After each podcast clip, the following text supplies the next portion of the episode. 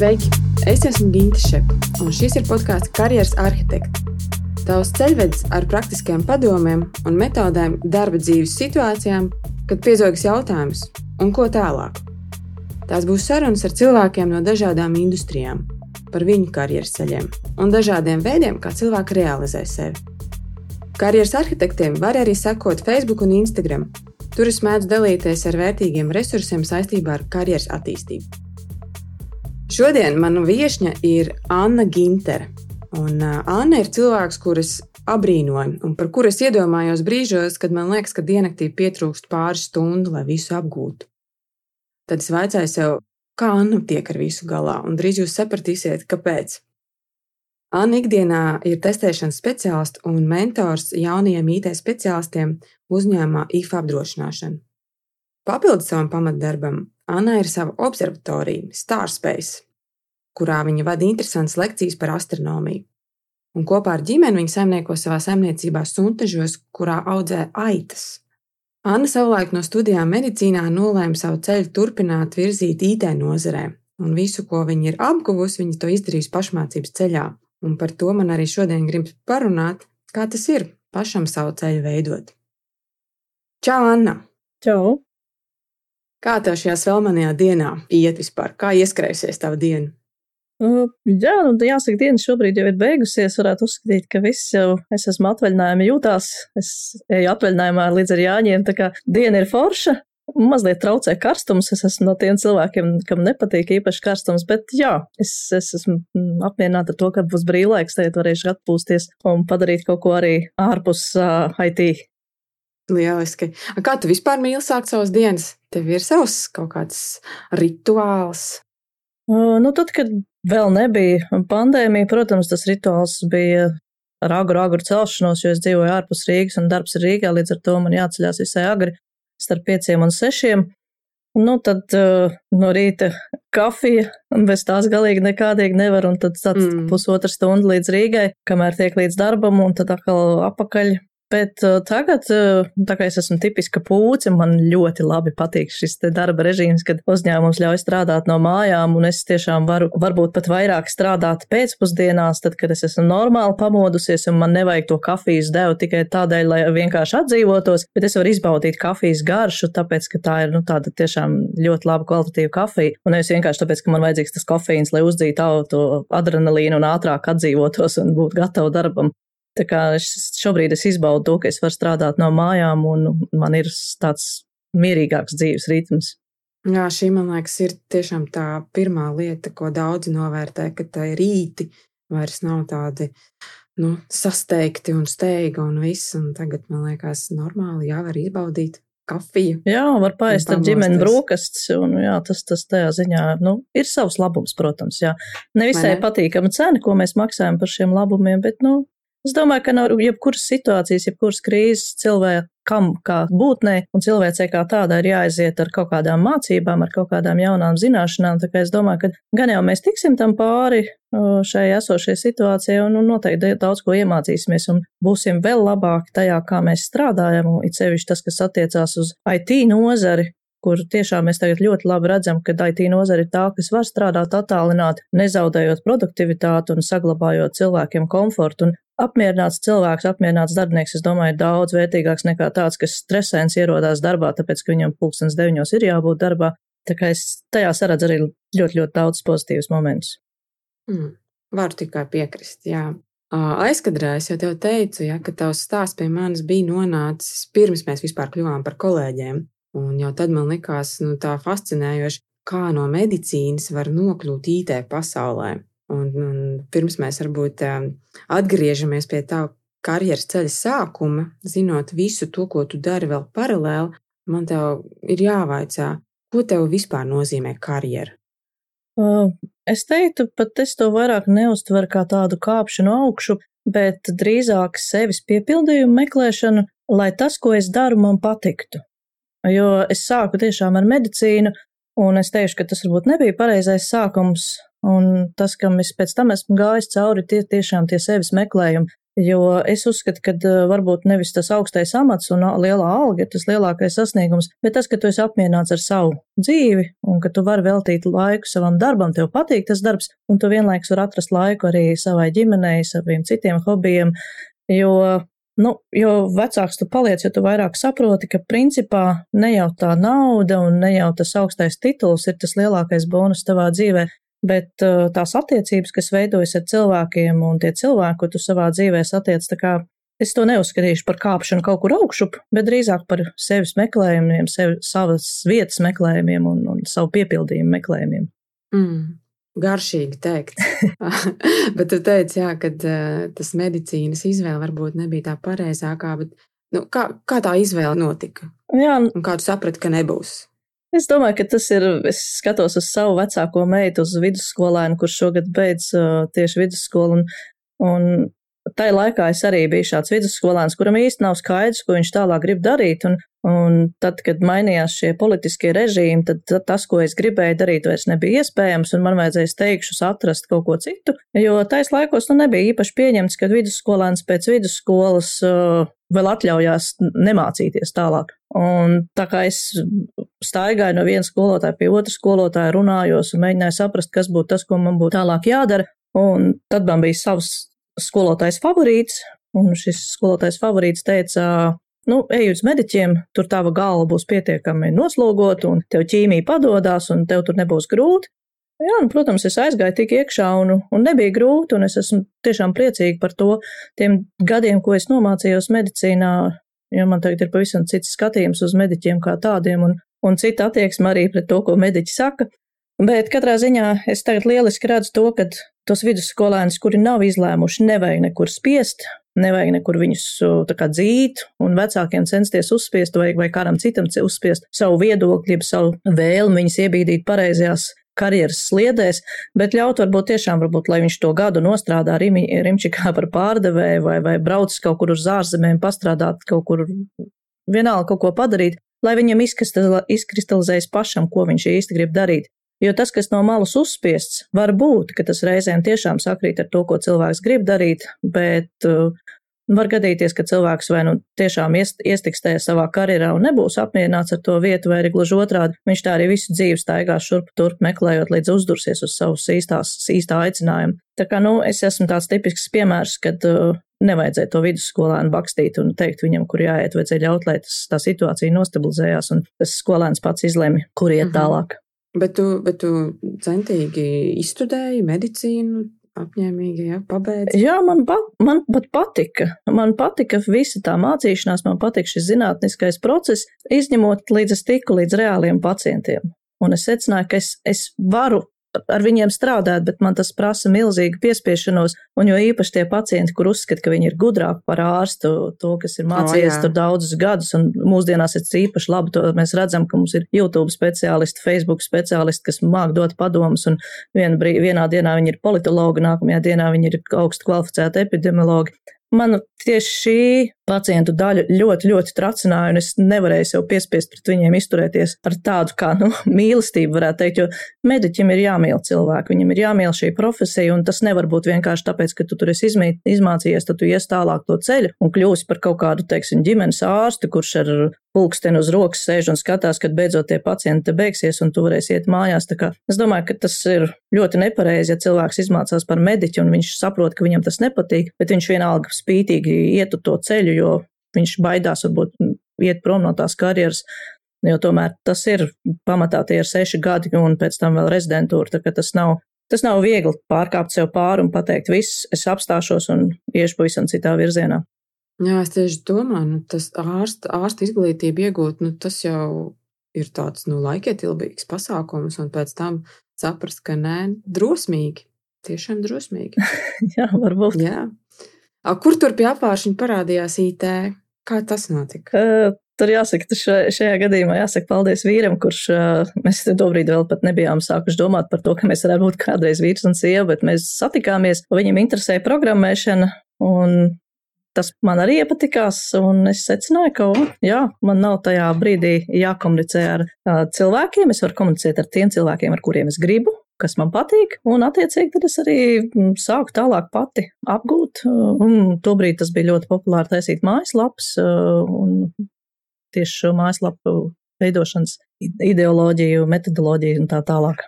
Mm -hmm. Tu sāki studēt arī IT? Es iestājos Rīgas Tehniskajā universitātē, jā, es nomocīju, var teikt, pusotru gadu, bet es teikšu, ka nomocīju, jo principā tas tā, tā brīža izglītības kvalitāte, kāda bija 2000. gadu sākumā, bija diezgan vāja.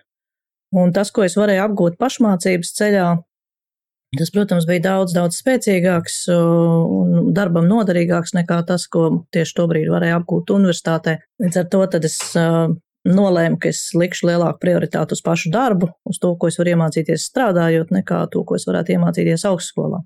Mm. Klau, cik tev viegli bija vispār sevi pieteikt um, darba tirgu, IT industrijā? Jo es tā iedomājos, es atveru tavu CV, es redzu izglītība, medicīna. Darba pieredze IT jomā nav. Jā. Kā tu ieliki kāju durvīs?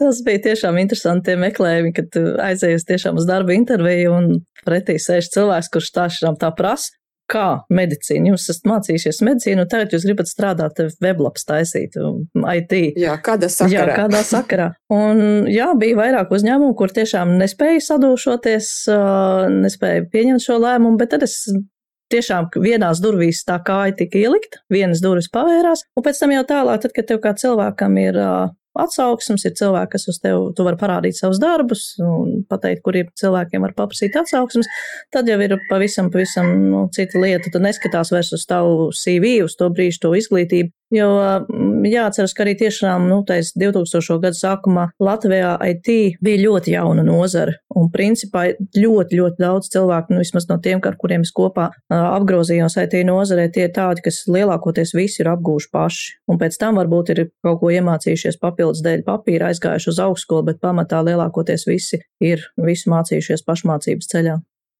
Mm. Um, man jājautā vēl, um, tagad īstenībā šī tēma ir ļoti tāda um, iznākusi sabiedrībā plašumā par um, sieviešu lomu IT industrijā.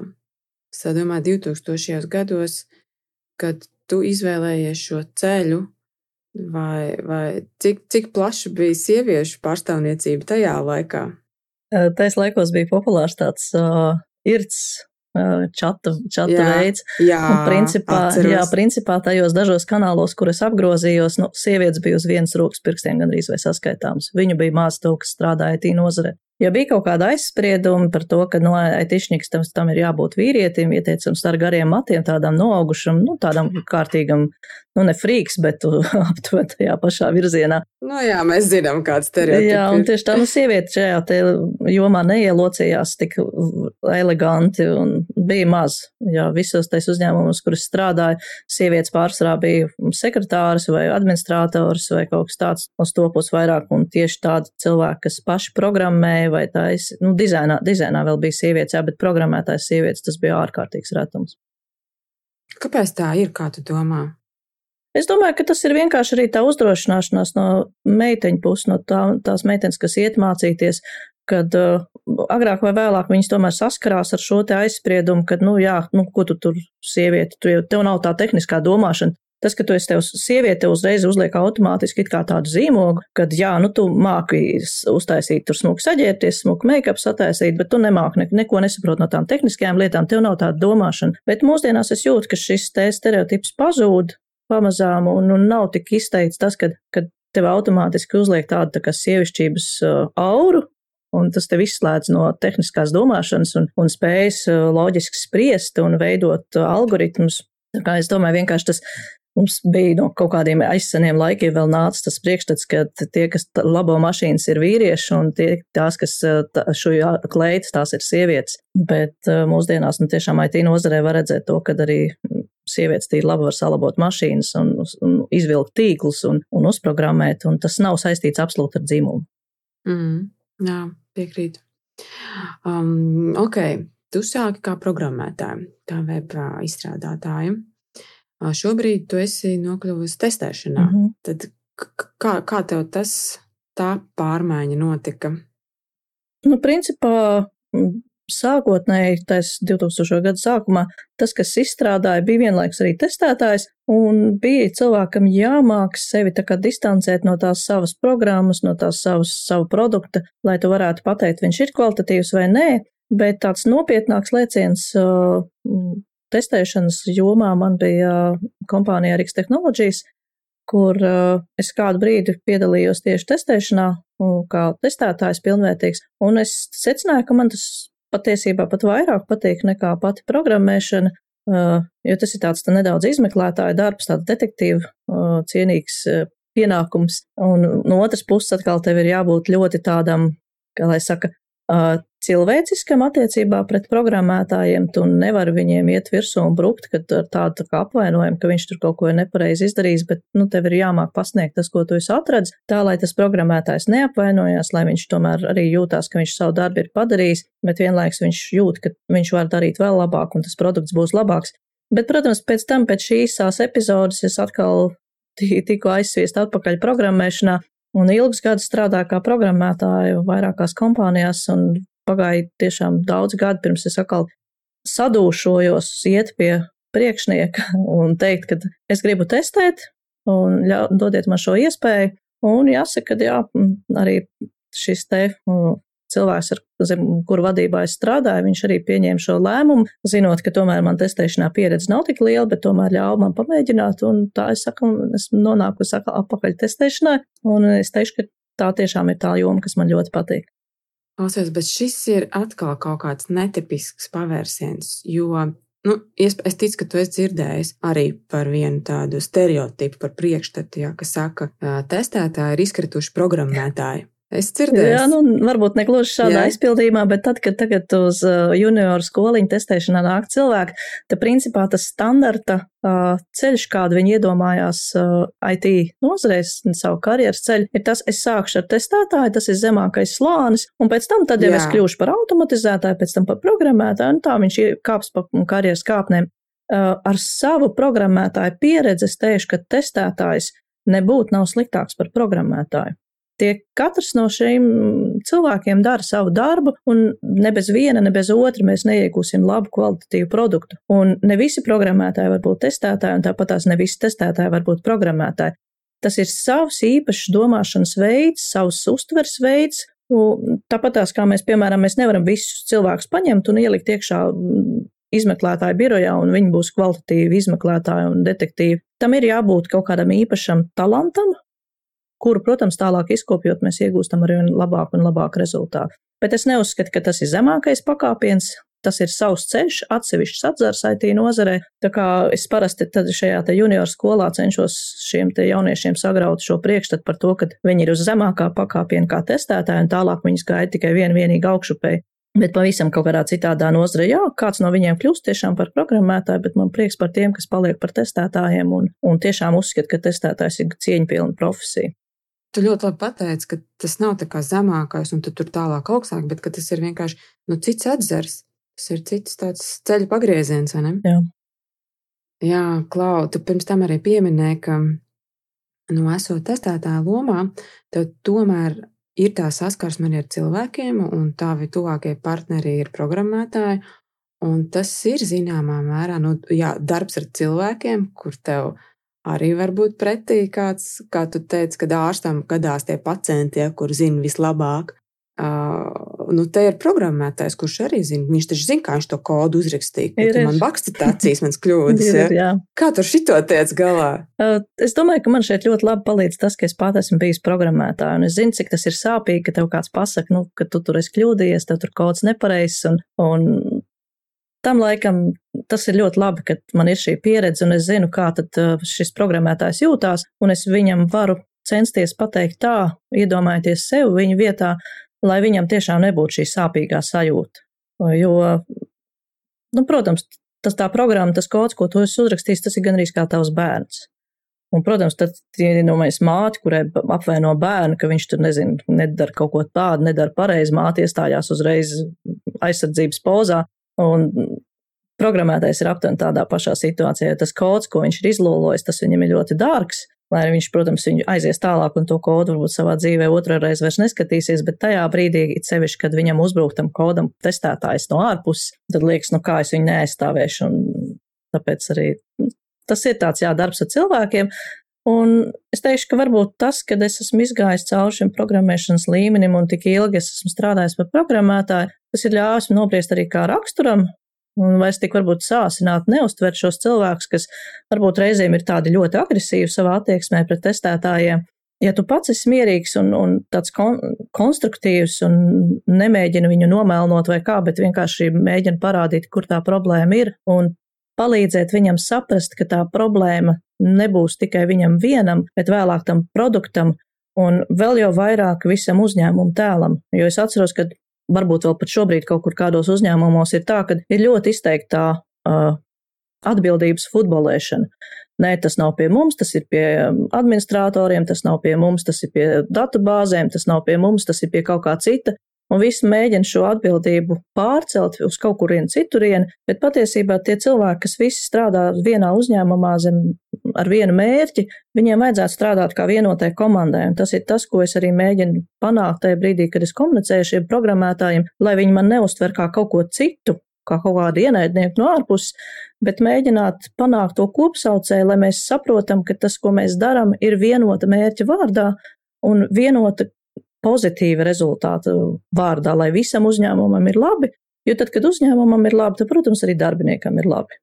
Jā, redz, kā tev pieredze programmētāja krēslā, ja tev no, no, palīdz arī šobrīd uh, testētājiem, bet tu spēj iekāpt tā otra cilvēka kurpēs. Man jau liekas, ka jebkura pieredze, ko mēs savā dzīvē iegūstam, viņi ir izmantojami tālāk, nu, kaut kādiem kā mācības līdzeklis, un, un viss, ko mēs, visam, kam mēs izējām cauri, tam ir kaut kāda nozīme, un, un mēs no tā vienmēr kaut ko varam mācīties.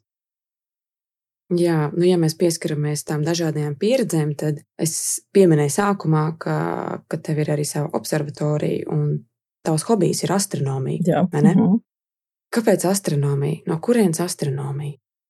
Tas ir ļoti, ļoti sens stāsts, un principā tas sākas no bērnības laikiem. Tēvs man bija ar ļoti izteikti interesi par zinātnē. Viņš pat vienu brīdi vēlējās kļūt par militāro pilotu, bet apstākļu sakritības dēļ tas neizdevās. Bet mums mājās bija ļoti, ļoti plaša zinātniskās fantastikas uh, biblioteka un bija daudz žurnālu saistībā ar zinātni. Un principā tā bija tā pirmā lasām viela, ar ko es saskāros. Un viena no pirmajām grāmatām, ko es izlasīju tajā laikā neskaitāms reizes, bija Francis Karsaks atnācēja no nekurienes, Un tur bija šis interesantais moments, kad tur ārsts uh, atrod citplanētiešus, kur ir avarējuši mežā, un tad viņš viņiem palīdz, un rez, tā rezultātā tur dažādi notikumi, un viņš no, nokļūst ar viņiem kopējā ceļojumā apkārt pa visumu. Un tas man likās tik aizraujoši, un es domāju, es arī gribētu tādus citplanētiešus satikt, un es aizbrauktu viņiem līdzi, ne, atpakaļ neskatīdamās. Par ārstu gan arī es izmācījos, bet citplanētieši joprojām neesmu satikusi, lai gan tā vēlme, varbūt nu, negluži citplanētieši ieraudzīt, bet lūkoties zvaigznēs nav nekur pazudusi. Un tas ir tas tiešām mans lielais hobijs, uh, kam dēļ man arī ir observatorija, teleskops. Un tā kā man tas hobijs tiešām ir tāda ļoti, ļoti liela, liela, liela sirdslieta, un tas, kas ir tā sirdslieta, parasti cilvēkiem viņi var viņiem ir tāda īpaša deksme, un šajā sirdslietā viņi var ļoti labi cilvēkus ievadīt, arī kas nav varbūt ar to aizraušies. Un tāpēc mēs arī savā observatorijā labprāt pieņemam cilvēkus, kas nāk klausīties par zvaigznēm, paskatīties zvaigznēs. Mēs to savu dzirkstelīt arī cenšamies izplatīt tālāk. O, jā, un tev tas ir izdevies, jo, zini, nu, man kosmosa tēma, ja godīgi, man viņa tā, nu, nav bijusi baigā tuvu interešu lokājām, arī viss filmas par kosmosu, nu tā un tā, bet pagājušo vasaru, kad es dzirdēju tāvu stāstījumu par to, kā vai var iznīcināt pasauli, vai mums jāgaida pasaules beigas, es biju vispār tik aizrāvusies, es biju tik pārsteigta, ka tas ir tik interesanti. Es tiešām tev paldies par tavu stāstu, un es noteikti varu ieteikt cilvēkiem braukt pie tevis ciemos un klausīties. Tur bija tik aizrautīgi. Jā, un man liekas, ka tas arī tas ir īsti svarīgi šajās te arī gan skolā un visu, lai tas cilvēks, kas stāsta otram, jebkurā mācībā, man šķiet, lai viņam ir šis, šī dzirkstelīte iekšā, jo tad, kad tev pašam tas interesē un tu pats zini, kas tevi aizrauj tajā, tu vari aizraut arī citus cilvēkus. Jo nu, skolā mēs bieži vien skolēniem nu, redzam, ka nav interesi par nevienu priekšmetu, viņš viņam nekas neinteresē. Jā, varbūt daļa vainas ir pašā skolēnā, varbūt ģimenē un tā tālāk, bet es domāju, ka mums trūks tiešām ļoti entuziastisku skolotāju, un, un varbūt var arī saprast skolotājs, jo, nu, tiešām mūsdienās šī profesija nav no tām augstāk novērtētajām, un, un, un viņiem neklājas ļoti viegli, lai viņi varētu atļauties būt entuziastiski. Bet katrā ziņā tie skolotāji, kuriem ir šī dzirksta liekšā, viņi tos bērnus pavelk, un var, var pat redzēt, ir tādas skolas un klases, piemēram, kur ir fizikas skolotājs ar nu, tādu ļoti lielu aizrautību, un tad mēs redzam, ka no tās skolas ļoti daudz cilvēku aiziet uz eksaktējām zinātnēm, jo tas skolotājs ir pratis viņus pavilkt, un tad jau tālāk tas, tā lieta aiziet daudz raitāk. Jā, tas nospiedums tur paliek. Tā ir ietekme skolotāju. Klausies, tava aizraušanās ar astronomiju un profesionālā darbība testēšanā. Um, Vai tev astronomija ir kaut kā palīdzējusi testēšanā, vai, nezinu, vai tur ir kaut kādas līdzības, vai kaut kas, kur tu redz, ka tie principi kaut kā var noderēt vienā vai otrā pusē? U, es domāju, ka testēšana vispār nav sasaistām tikai ar IT. Testēšana tas ir principā mums nepārtraukt visapkārt. Tā ir, nu, parasti tur saka, viena cita profesija ir vissanākā un vispopulārākā un visvairāk izmantotā, bet es domāju, ka cilvēks pēc savas būtības ir testētājs kā tāds. Mēs uh, uztaisām mājās ēdienu, mēs viņu notestējam. Mēs, uh, nezinu, tur braucam uz ceļojumā, mēs testējam pašu ceļojumu, mēs testējam galamērķi un tā tālāk. Līdz ar to es nevaru teikt, ka astronomija man kā tāda ir mainījusi attiecībā kaut ko uz testēšanu. Ko es esmu iegūst, tas pateicoties tam, ka man ir observatorija, es esmu iegūst daudz labākas uh, prasmes citiem kaut ko mācīt, drosmi uzstāties, Jo pamatskolā un vidusskolā es biju no tiem cilvēkiem, kas vienmēr izvairījās no visādām šādām publiskām lietām un centos no tā tikt vaļā. Bet tagad, eh, jā, protams, es nevaru noliekt, ka man nav uztraukums. Ja sevišķi ir pilnīgi jauna auditorija un tāda es zinu, ka ļoti prasīga auditorija, tad, protams, tas lampu drūzis ir. Bet eh, tā drosme uzstāties noteikti ir un, un tā prasme arī iemācīt, atrast tās dzirkstelītes tajā tēmā, aizraut šos cilvēkus, un lai viņiem būtu interesanti klausīties, lai viņi varētu kaut ko iegūt no tā, un tiešām mēģināt ar tādu, nu, ne gluži ar humoru, bet, bet nevis tikai ar vienu vienīgu nopietnību pasniegt tās tēmas, ko, piemēram, es stāstu par testēšanu, lai cilvēkiem būtu interesanti, lai viņi aizrautos ar testēšanu, lai tā viņiem kļūtu par sirdslietu. Jā, tu jau teici, ka testēšana tā kā detektīva darbs. Jā. Tādam izmeklētājam jābūt. Ir, ir. Mm -hmm. Jā, klausies, vēl viena tā aiz... nezinu, vai to var saukt par aizraušanos, bet uh, tu, tev ir saimniecība. Jā. Tev ir aitas. Jā. Kā, kā tu līdz aitām nokļuvi? Uh, Kāds tur stāsts? Jā, nu, tur, tur, tur ir pavisam vienkāršs stāsts. Mums ir lauka īpašums ar pļavām. Un tad, kad mēs tikko šeit pārvācāmies dzīvot, principā bija tā, ka šīs pļavas apkopa viens piensēnieks, kas mums netālu te atrodas. Un nu, tad ir tā, ka vienu gadu viņš nopļāva, vienu gadu nenopļāva, vienu gadu viņš atstāja uz lauku. Un, ja mums sākumā mums bija ļoti puķēns pļaus, daudz skaisti ziedi, visādi tās daudzveidība liela, tad jo ilgāk mēs skatījāmies, kā viņš apsaimniekoja, mēs sapratām, ka tas viss degradējās, kļūst tikai sliktāk, un sapratām, ka mums pašiem kaut kas jādara, jo īpaši tāpēc, kad uh, bija pirmā dabas skaitīšana, varētu tā teikt, tad, kad novērtēja šo te pļauju vērtību un secināja, ka pie mums ir vērtīgs pļavs ar naktsviolēm, ar salpurinēm un daudzām citām puķēm un zālītēm, kas citur jau ir iznīkuši. Un tad mums vajadzēja pieņemt lēmumu, kā mēs viņus apsaimniekosim. Un tā kā mēs sas, bijām, mums bija šī nelabvēlīgā pieredze ar apsaimniekotāju no malas, kuram tas principā nav viņa īpašums, nav viņa sirdslieta, tad mēs sapratām, ka mums pašiem kaut kas ir jādara. Bet tā kā mums joprojām ir darbs Rīgā, mums vajadzēja tādu apsaimniekošanas metodi, kas labi strādā, bet pie kuras mums nav jāsēž cauri diennakti. Un tobrīd mēs nolēmām par labu aitām, Un, principā, jā, neesam kļūdījušies. Ļoti labi strādā šīs pļauju mašīnas. Un, nu, protams, nevar, nevarētu teikt, ka mums nemaz nav nekāds darbs viņās jāiegulda. Mums tāpat tās ir jāapkopja un jāpārdzen. Vasarā tas ir reizes nedēļā. Mums ir jāveido jauns aploks, jā, jādzen viņas tālāk. Un ziemā, protams, visa siena mešana, pēc tam nāk grūtais jēru laiks, kad mēnesis aptuveni nemaz nav gulēts gandrīz. Tā kā ir savs grūtums, bet katrā ziņā, nu, es esmu apmierināta ir daži favorīti, kur pie tevis nāk un kuri jau tevi pazīst. Un, nu, nav tā kā droši vien cilvēkam no malas šķiet, ka visas aitas ir vienādas, bet tad, kad tu ar viņām esi gandrīz vai dien dienā kopā, tu redz, ka viņas nav vienādas, katrai savs raksturiņš, katrai savs kaut kādas iezīmes. Tā kā, nu, aitas arī ļoti liels personības, ar viņām arī jāmāk sadzīvot. Tev ir uh, aitām arī vārdi? Nē, viņas ir katra jau tas. Nē, nē, nav. Manas ir pietiekami daudz. Uh, auniem ir vārdi. Auni ir maz, nu, trīs uz ganāmpulku, nu, tiem var atļauties. Bet aitas vairāk pēc numuriem, un tad jau pēc balsīm var pateikt, kur, kur tā aita ir. Vai, vai... Pēc balsīm? Jā, arī balss aitām atšķirās. Tas ir saka, tā kā pirmo reizi, kad saskaries ar aitām, šķiet, ka viņas visas ir vienādas, bet jo ilgāk ar viņām dzīvo kopā, jo tu saproti, ka tas nav vienkārši nu, tāds prasts lauksainiecības dzīvnieks, un, un to pret viņām arī izturies ar zinām tādu cieņu. Un, nu, jo tomēr viņas dara savu darbu un labi dara savu darbu. Es arī nevaru teikt, ka mēs viņus uh, ar vieglu roku arī likvidējam, tad, kad pienāk tas laiks. Un vēl trakāk ir, ja tas ir kaut kāds pudeļjērs, kurš ir izbarots ar pudelīti kaut kādu iemeslu dēļ, nu, tad ir īpaši grūti. Pieķerās arī tiem, es domāju, ka lauksainieks pieķerās arī saviem dzīvniekiem. Nu jā, protams, dzīves dvēselītes ir. Nu, klausies, tu tā izstāstīji, ja, ka tas viņam ir kā pļāvu apsaimniekotāji, un tas ir vienkāršākais veids, kā jums tikt galā ar pļavām. Bet, nu, nu jā, tie dzīvnieciņi taču arī ir jāapkop, jāpabaro. Tā tāda nu, darbošanās. Kā tu visam atrod laiku, klausies? Jā, nu, tas ir tāds interesants jautājums. Un kamēr tu to dari un par to nedomā, tad liekas, nu, man, man skatoties uz citiem cilvēkiem, rodas šis pats jautājums, nu, kā viņi to visu paspēja. Bet tāpat laikā droši vien katram no mums ir savas prioritātes, kuras mēs izvēlamies darīt un kuras mēs atmetam, kuras mēs saprotam, ka mēs nevaram visu paspēt. Ir cilvēki, kas var aiziet uz teātru, viņi apmeklē gan arī visas teātris izrādes, viņi iet uz koncertiem. Es to nedaru, Ne tikai tāpēc, ka varbūt tas nav mans galvenais tāds interešu objekts, bet arī tāpēc, ka es saprotu, ka es to nevaru vienkārši fiziski paspēt. Un, ja es retu reizi atļaujos aiziet uz kinoteātru, tas nozīmē to, ka es mājās esmu pusnakt, un tas nekādā ziņā neatceļ to, ka man vajag pēc tam iet uz kūti.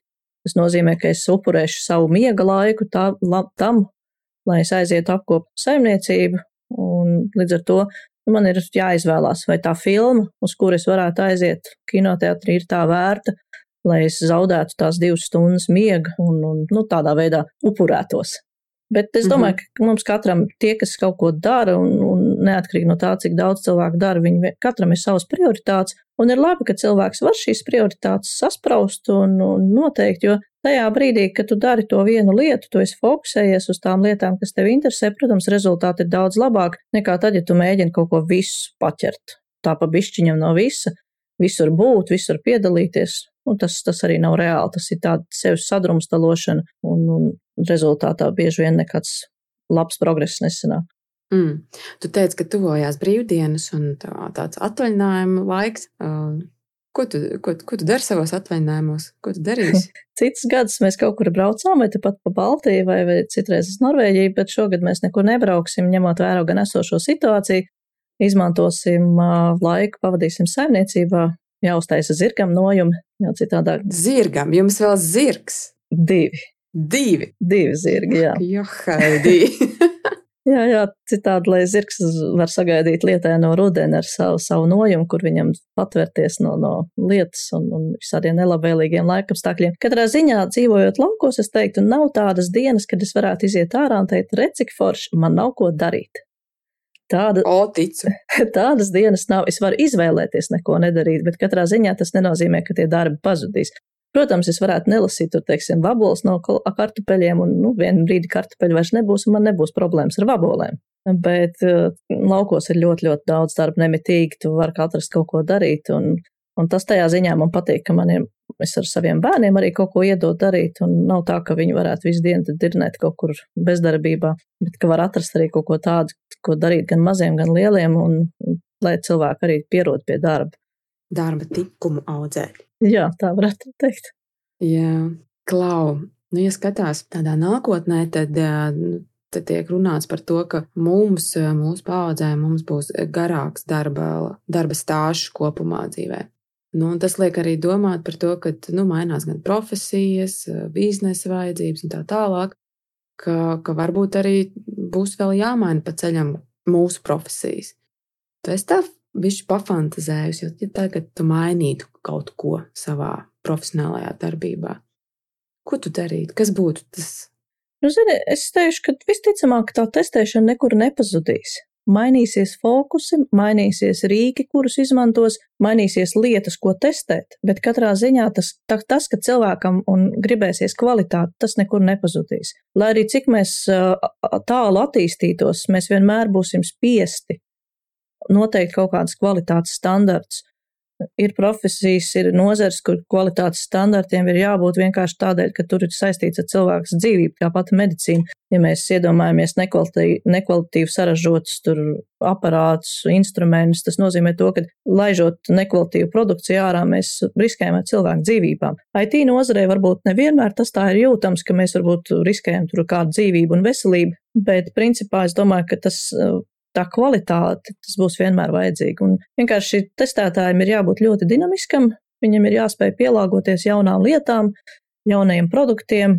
Pirms kādu laiciņu pat neprātā nenāca, ka uz mobiliem telefoniem būs tādas iespējas kā mūsdienās Tagad mēs pārsāk kļūstam arvien mobilāk, mobilāk, mums arvien vairāk ir tā saucamais Internet of Things, ka mums ir daudzas lietas, vairs ne tikai mobilie telefoni, planšets un datori, bet ir gudri televizori, gudri leduskapi, kameras un tā tālāk. Tas viss ir saistīts ar, ar IT, un testētājiem ir jābūt tādam, kas spēj ielikt jebkurā no šiem vilcieniem, ātri apgūt šīs jaunās lietas un un turpināt to darbu, ko darīju darī līdz šim, nodrošināt kvalitāti, palīdzēt nodrošināt kvalitāti. Bet kā profesijas domāju, ka nepazudīs, un tas man priecē, jo es tā šobrīd uz sitienu es pat īsti nevarētu pateikt no, no profesijām, ko es gribētu vēl citu pamēģināt. Man nav, es esmu, teiksim, es esmu ļoti apmierināta ar to profesiju, ko es esmu atradusi, man tā patīk, un, un es centīšos viņu saglabāt līdz tiem pašiem mistiskajiem pensijas gadiem. Es teiktu, ka tu esi izvēlējies tādu ilgspējīgu profesiju. Jā.